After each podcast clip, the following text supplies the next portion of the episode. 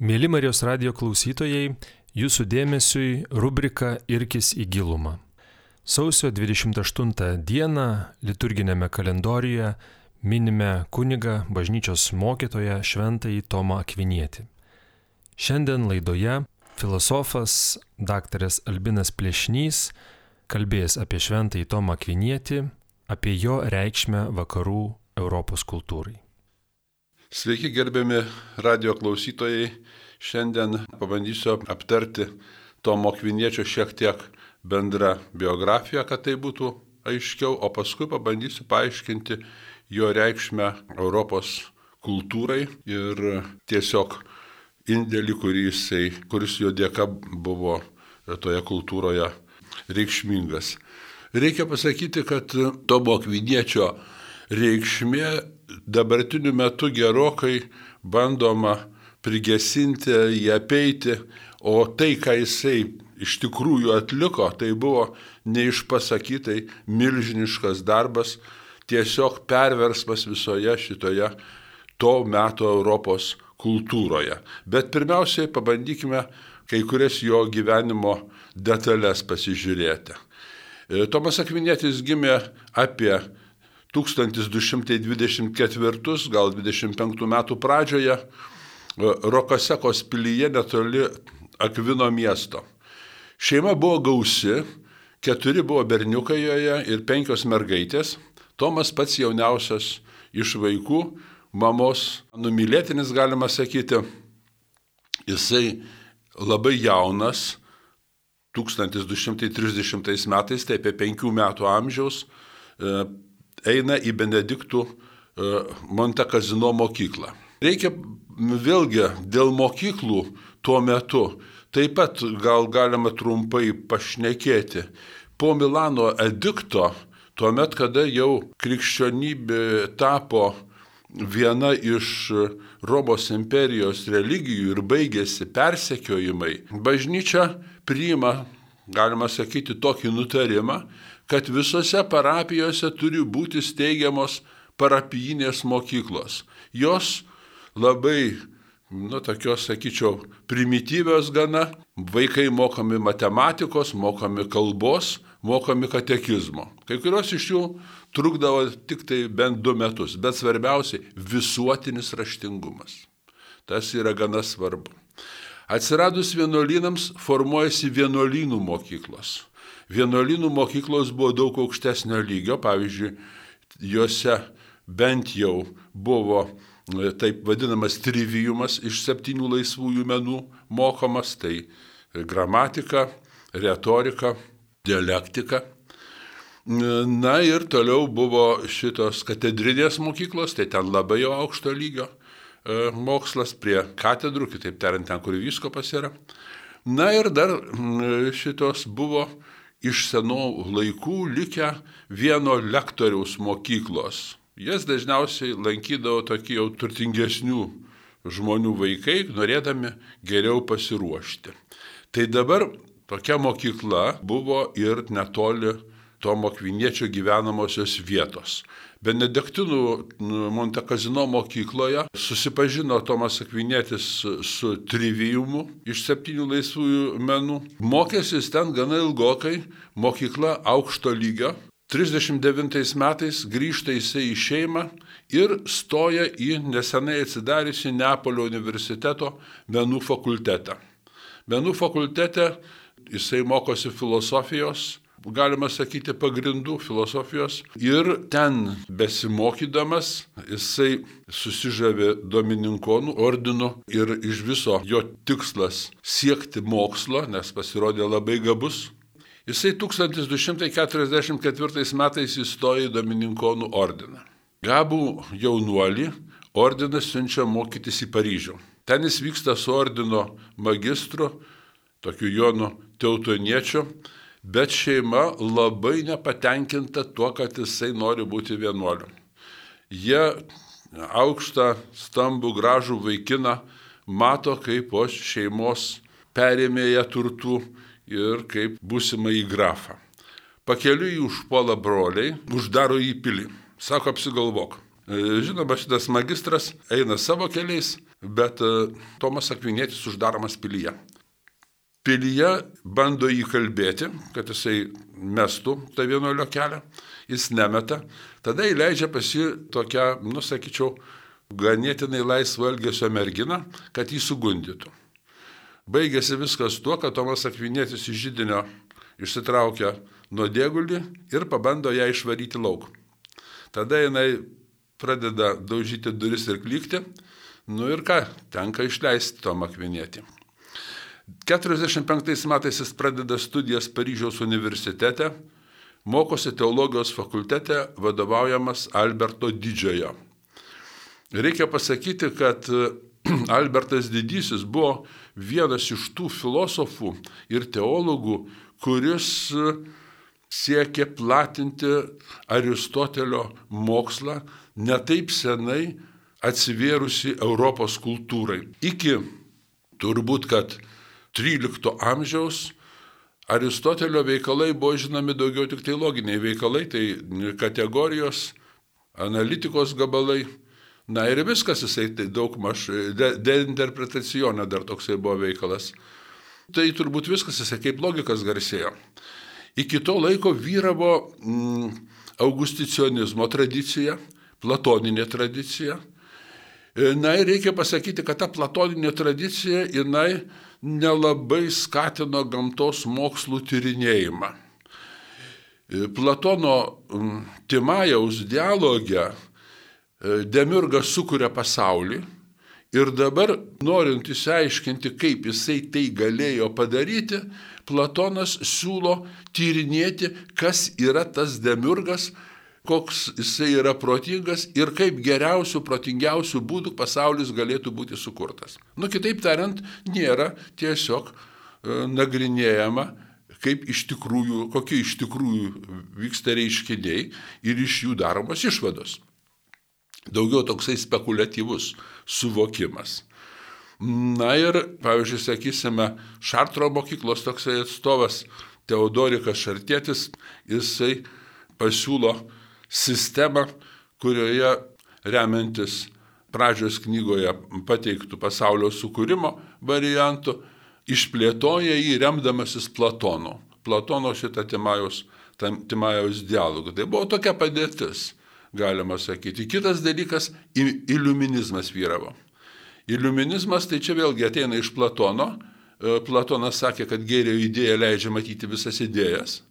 Na, o dabar šitas Augustinas sako, kad tikėjimo šviesa jinai leidžia teisingai matyti ir suprasti pasaulį. Tikėjimo šviesa apšviečia žmogaus protą ir jisai tada gali, gali matyti. Na ir daugiau ten buvo tokių dalykų, mes gal per jų nesustokime. Jokio iliuminizmo Aristotelio filosofijoje nėra.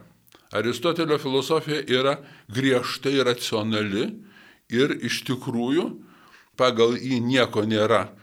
Intelektą, ko iki tol nebuvo patyrime ir būtent racionali veikla, jinai mums leidžia susidaryti pasaulio vaizdą ir visą pasaulės vaizdinį ir pasaulio žiūrinę sistemą.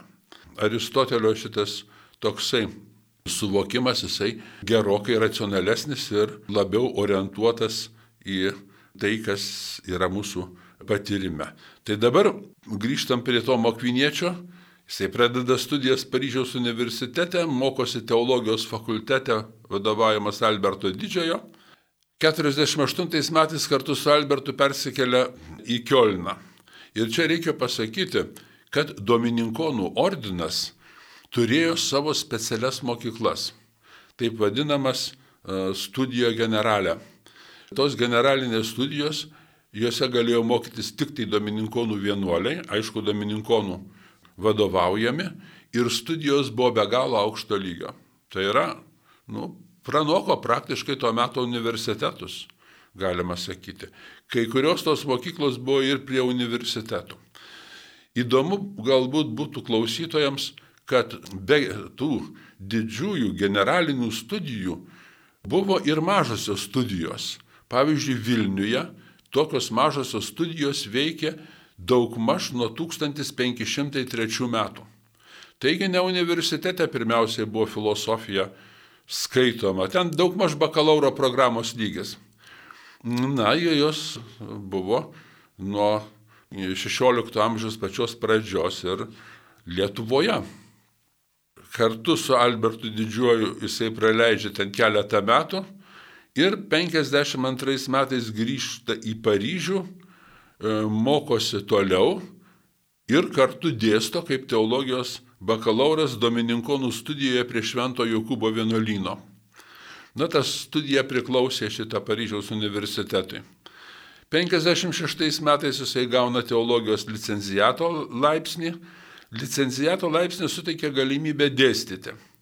Na ir vykstant ten ginčiams pačiame Paryžiaus universitete, vis tik tai įsikiša popiežius ir 56 metais patvirtina Tomą Akvinietį ir jo bičiulį Šventai Bonaventūrą dėstytojais, kitaip tariant, leidžia turėti katedrą universitete.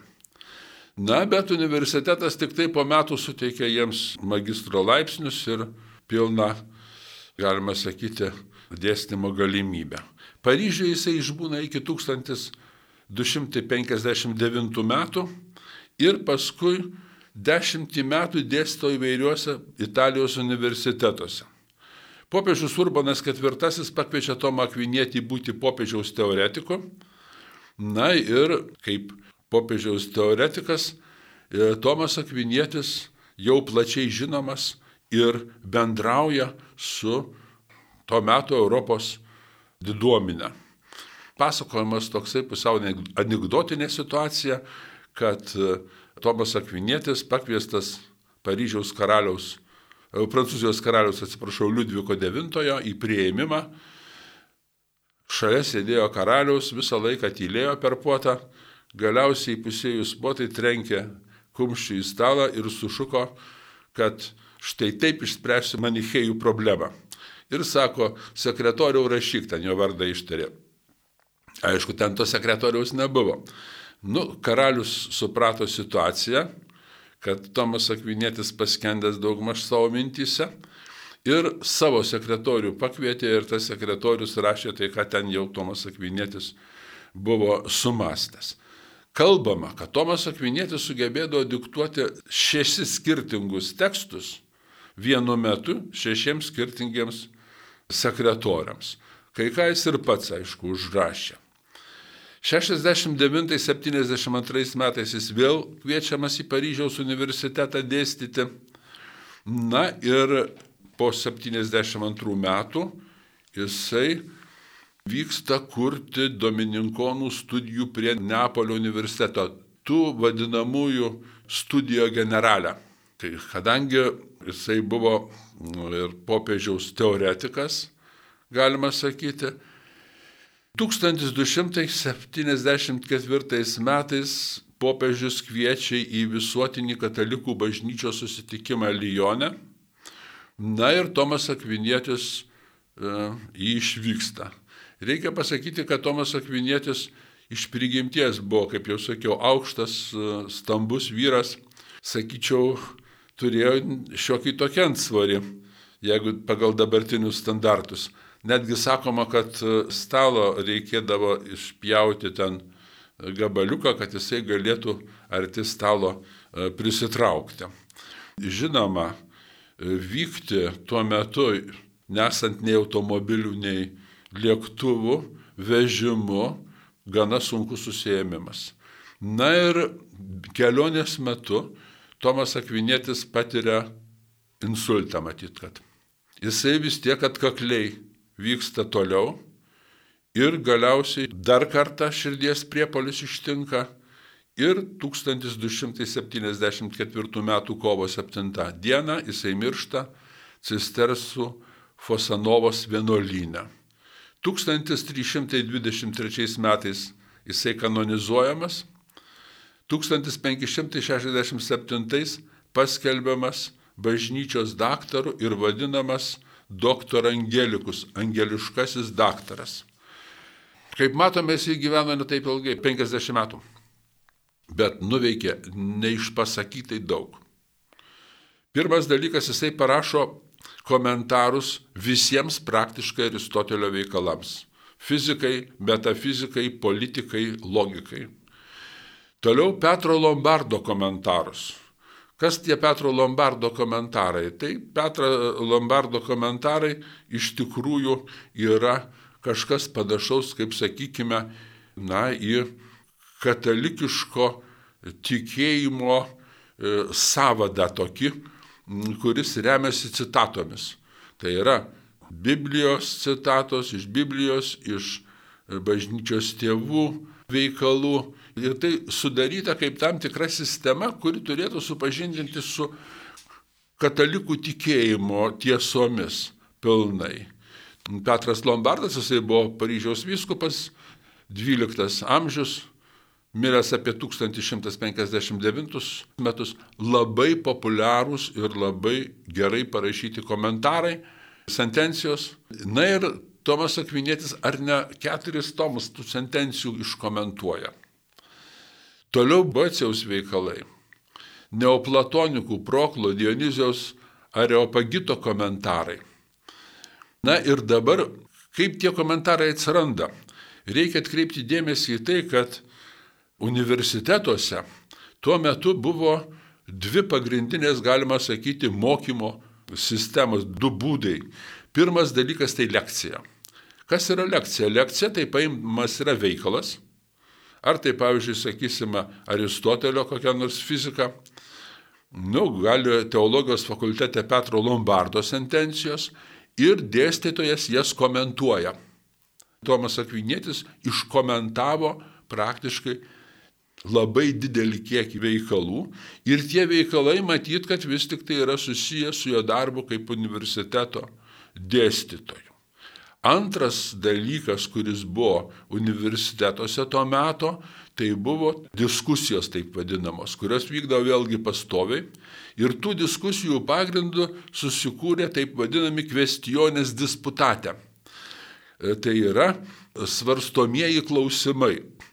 Svarstomosiuose klausimuose paprastai vadovaudavo žinoma dėstytojas, jisai pasiūlydavo klausimą, studentai pateikdavo argumentus prieš ir argumentus už iškeltą problemą, na ir galiausiai atsakau, tai būdavo jau profesoriaus komentaras, atsakymas. Tokių kvestionės disputate jisai parašęs irgi daug, ne vieną. Pavyzdžiui, sakysim, didžiausias tai turbūt yra deveritate apie tiesą. Nu, ten turbūt arti tūkstančio puslapių bus. Toliau apie darybės, virtutį bus. Depotencija dei, apie blogį, demalo, de anima, apie sielą, apie dvasinius kūrinius ir panašiai. Tai čia iš to, kas yra tiesiogiai dėstoma. Dabar Yra ir trumpi tokie veikalėliai, jo gana svarbus, traktatai filosofijos klausimais. Tai ankstyvasis, turbūt vienas iš ankstyviausių apie esinį ir esmę, apie pasaulio amžinumą, apie gamtos pradus, apie valdžią, apie atskirasias substancijas.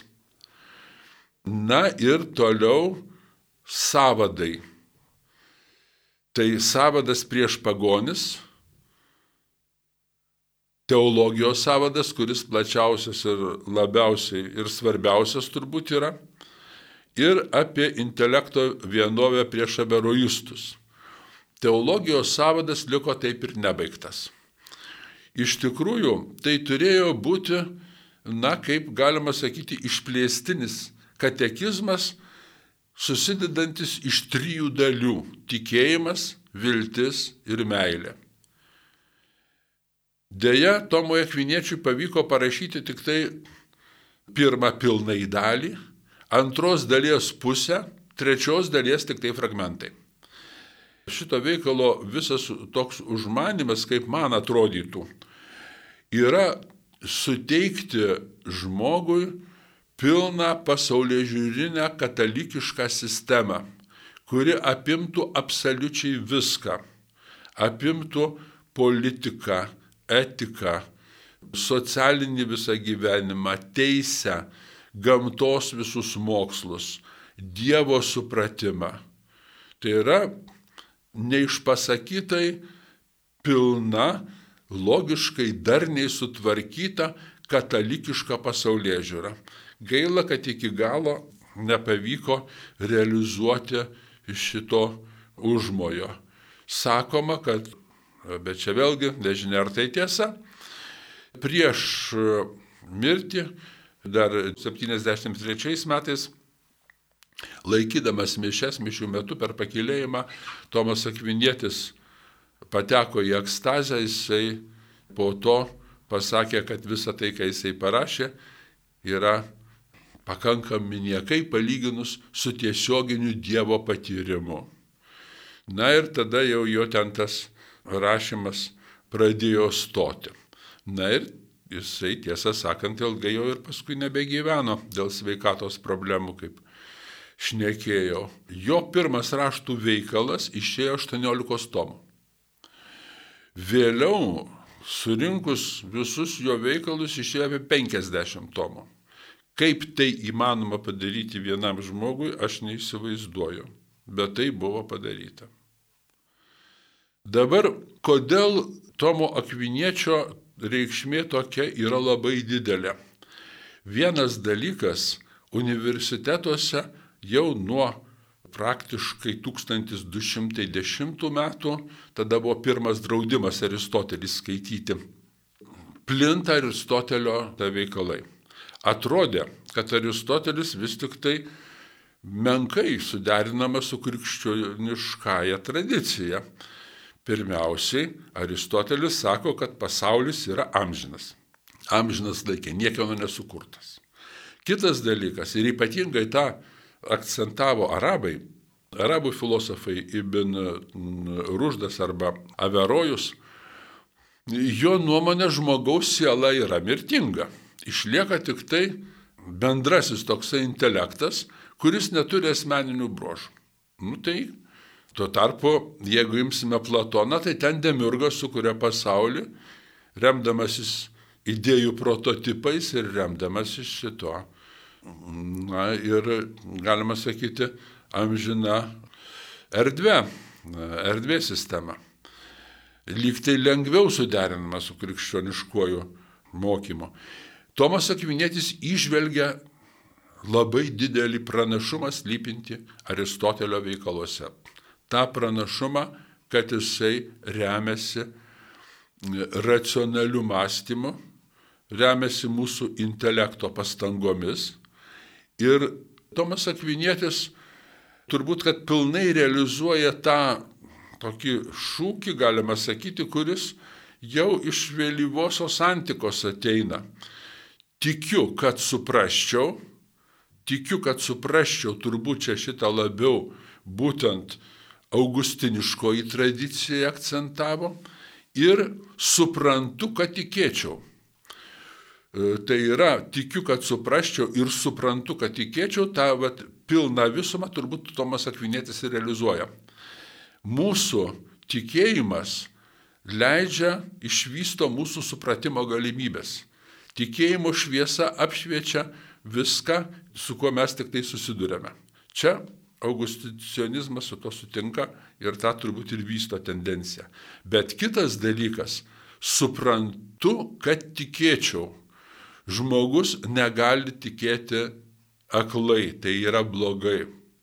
Iš tikrųjų, jau Šventasis Paulius savo laiške romiečiams jisai pradžioje sako, kad Dievo visagalybė ir Dievo buvimas, jisai yra suprantamas be apreiškimo, suprantamas ir protų.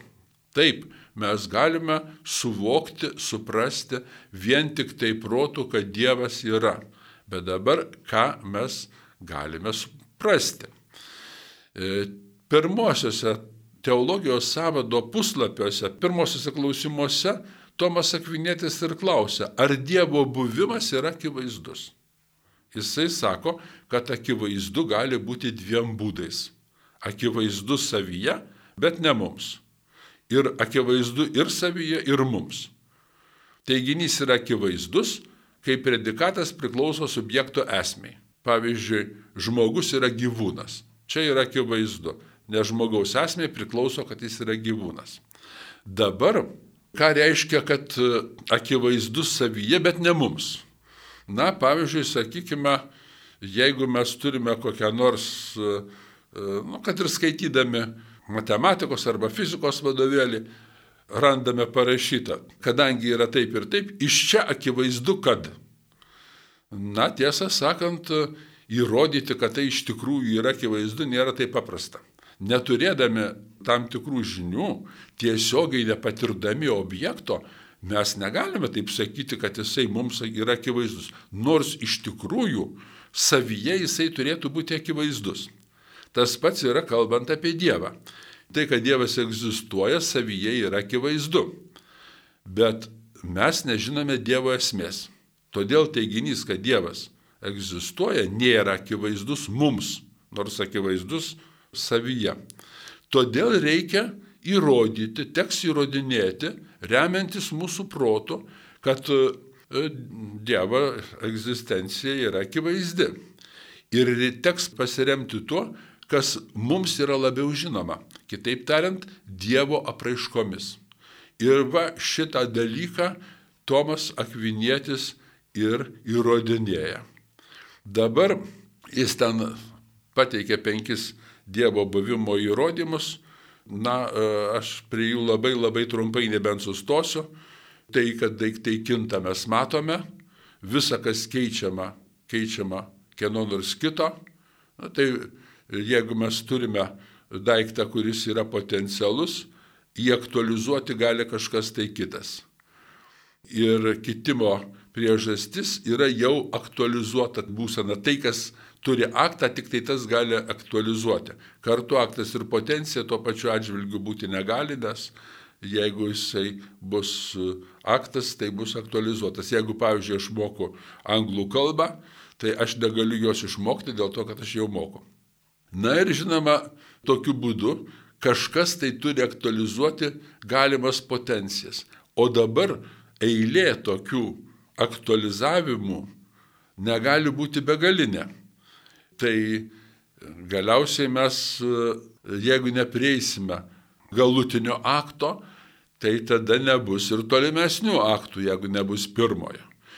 Todėl privalo būti grinasis aktas, kuris yra visų aktų galima sakyti, pagrindas. Jisai turi būti nekintantis grinasis aktas. Toksai grinasis aktas yra Dievas ir čia yra vienas iš tų įrodymo kelių. Jų yra daug. Ir aš tai čia, kiek galėjau, sutrumpinau šitą, žinoma, įrodymą. Tokiu būdu e, mūsų protas iš tikrųjų reikalingas tam, kad mes galėtume suprasti ir išsiaiškinti tikėjimo tiesas. Ir čia vėlgi ateina iš arabų e, toksai supratimas, arabų aristotelininkų, pirmiausia žinoma, Ibn Sinas ir Ibn Rušto pirmiausiai, tai yra Averojaus, tai kad yra dviejopos tiesos. Pirmas dalykas, Koranas pagal e, Ibn Ruždą, Averojų, yra parašytas metaforinė kalba, arba kitaip tariant, kasdieninė mūsų bendravimo kalba. Ir ten jisai, žinoma, tokia kalba yra netiksli. Filosofai visi rašė dialektiškai, tai yra iš dalies teisingai, iš dalies klaidingai, o Aristotelis rašė podiktiškai. Visa, ką jis parašė, yra absoliuti neginčiama tiesa. Todėl gali būti, kad tikėjimo tiesa gali prieštarauti Korane parašyta tiesa gali prieštarauti Aristotelio aiškinimui. Jeigu, sako Averojus, jeigu mes sugebėtume išversti Koraną į filosofinę Aristotelio kalbą, prieštaravimo neliktų, bet tai padaryti nelabai išeina. Taigi yra dviejo patiesa. Tomas Akvinėtis kategoriškai pasisako prieš tai. Yra tik tai viena tiesa. Skiriasi tik tai mūsų tyrinėjimo objektai remdamėsi savo prigimtiniu protu, kuris yra vienas. Mes galime suprasti, kad Dievas yra. Galime suprasti, kad Jisai yra, bet negalime suprasti, kas Jisai yra, kad yra galim, kas ne. Negalime, tam reikalingas apreiškimas. Na ir dabar mūsų, galima sakyti, objektas mąstymo šituo atveju yra visa tikrovė ir patyrimo turinys. Tuo pačiu protu remdamiesi mes galime pasiekti ir teologinių tiesų, teologinės tiesas suprasti, jos yra prieiškimo dalykas, jos yra preikštos. Jos yra preikštos dėl to, kad žmogaus protui arba labai sunku jas tiksliai suprasti ir atrasti, arba tiesiog tai neįmanoma padaryti. Reikalinga papildoma informacija. Todėl tikėjimas išplečia mūsų protą. Jis mums pasako daugiau ir leidžia protui labiau skleistis ir labiau tobulėti. Bet protas yra vienas. Ir tas protas, galima sakyti, vienas jisai taikomas absoliučiai visur. Dabar Tomas Akvinėtis priima tą sistemą, kuri būdinga buvo Aristoteliui, kalbėdamas apie mokslą. Ir va šitą dalyką norėčiau vėlgi atskirai pastebėti, kuris tiesą sakant labiau yra filosofinis nei teologinis. E, tai, kad pagal Aristotelį yra trys mokslai. Mokslas pirmiausia tai yra tai, kas yra bendra ir kas na, yra būtina. Tie dalykai, kurie yra bendri ir būtini, todėl mokslų galima išmokti. Dabar mokslų yra trys, jie pagal abstrakcijos laipsnius skirstomi. Pirmiausiai tai yra žemiausias abstrakcijos laipsnis, tai yra fizika. Arba kitaip tariant, gamtos mokslas. Fizika atsitraukia, abstrahuojasi iki kūnų ir kūnų judėjimo. Todėl fizika tyria judančius kūnus ir E, Aristotelis sako, kad reikia juos nagrinėti, kaip jie juda iš prigimties. Antras abstrakcijos laipsnis yra matematika, kada yra abstrahuojamasi iki pavydalų ir santykių. Ir matematikai pagal Aristotelį ir pagal Tomą Akvinietį priklausys ne tik tai geometrija ir aritmetika, bet priklausys astronomija, optika, ir harmonijos teorija. Na, kitaip tariant, muzika. Arba solfedis. Čia aš truputį supaprastinu. Dabar pats aukščiausias abstrakcijos laipsnis tai yra metafizika, kuri remiasi, nu, kuri tyrinėja esinį kaip esinį, objektą mūsų pažinimo kaip esantį ir kas su tuo yra susiję. Na ir būtent kada mes kalbame apie esinį kaip apie esantį, toje metafizikoje mes ir prieiname išvados, remdamiesi vien tik tai savo grinuoju protu ir patyrimu, kad Dievas yra. Todėl metafizika yra pagal Tomą Akvinietį ir teologija, bet nepreikštoji. Toliau Antras dalykas, jinai yra pirmoji filosofija, nes duoda pagrindus visai filosofijai. Ir trečias dalykas yra, yra metafizika, nes peržengia bet kokį patyrimą ir kalba apie tai, kas yra bendra. Na bet čia dabar vėl vienas iškyla pavojus. Jeigu kalba apie tai, kas yra bendra, tai mūsų patyrimas susiduria su dviem dalykais. Pirmas dalykas su tuo, kas yra tiesioginio patyrimo objektas ir ką mes galime nurodyti tiesiogiai į tikrovę. Pavyzdžiui, sakysime, šitas konkretus žmogus, tas konkretus daiktas ir panašiai. Dabar kitas dalykas. Mes kalbame, vartojame tokias savokas, kurios jau atsitraukia nuo tos tikrovės labiau. Pavyzdžiui, kalbame apie žmogų kaip iš viso apie žmonės turinčią žmogišką prigimtį, kaip gimininę savoką arba rūšinę savokas. Rūšinės savokos turi sąryšį su tuo, kas yra tikrovėje, bet jos, bet jos nėra tokios. Na ir dabar Tomas Akvinėtis sako, kad metafizika kaip mokslas, jisai remiasi dėsniais būties ir jisai remiasi kalbos filosofija. Kalbos filosofija mūsų leidžia mums viską formuluoti teiginius ir todėl jinai yra tinkama. Ir turbūt vienas iš svarbiausių dalykų, kurį pažymė Duhemas yra tai, kad Tomas Akvinietis kalba, jog kada mes turime matematiką, tai matematikoje yra truputį kitoks metodas negu kad gamtos moksluose, kuris yra su patyrimu susijęs ir metafizikoje. Pasak Tomo Akviniečio, moksle siekiant tikslo galima mąstyti dviem būdais. Pirma, pakankamai pagrysti principą arba pradmenį arba dėsnį, kaip yra gamtos moksluose. O Antra, matematikoje nesiekiant pateikti pakankamą principo įrodymą, o tik patvirtinant jau žinomą principą, parodant, kad jo numatyti rezultatai supranta su tikraisiais, kaip kad yra astronomijoje, kurioje yra epiciklai. Ir ekscentrikai, bet gali būti visiškai kitoks variantas. Tai leidžia kurti įvairias sistemas, astronominės, kaip Koperniko arba Galilėjaus, ir tai sudaro sąlygas astronomijos įvairiausiams teorijoms funkcionuoti. Tai Duhemas, pažymėdamas šitą variantą, sako, Tomas Akvinietis yra praktiškai tas, kuris padėjo pagrindus visai mūsų moksliniai kultūrai turime galvoj gamtos mokslų kultūrai vystytis. Na ir tiesą sakant, Tomas Akvinietis mane, kad e, ir aiškino, kad Aristotelis nėra kažkoks tai absoliučiai tiesą šnekantis. Taip, jis e, šneka dažniausiai teisingai, bet su Aristoteliu galima polemizuoti, galima ginčyti su juo. Averojus sakė, kad ne.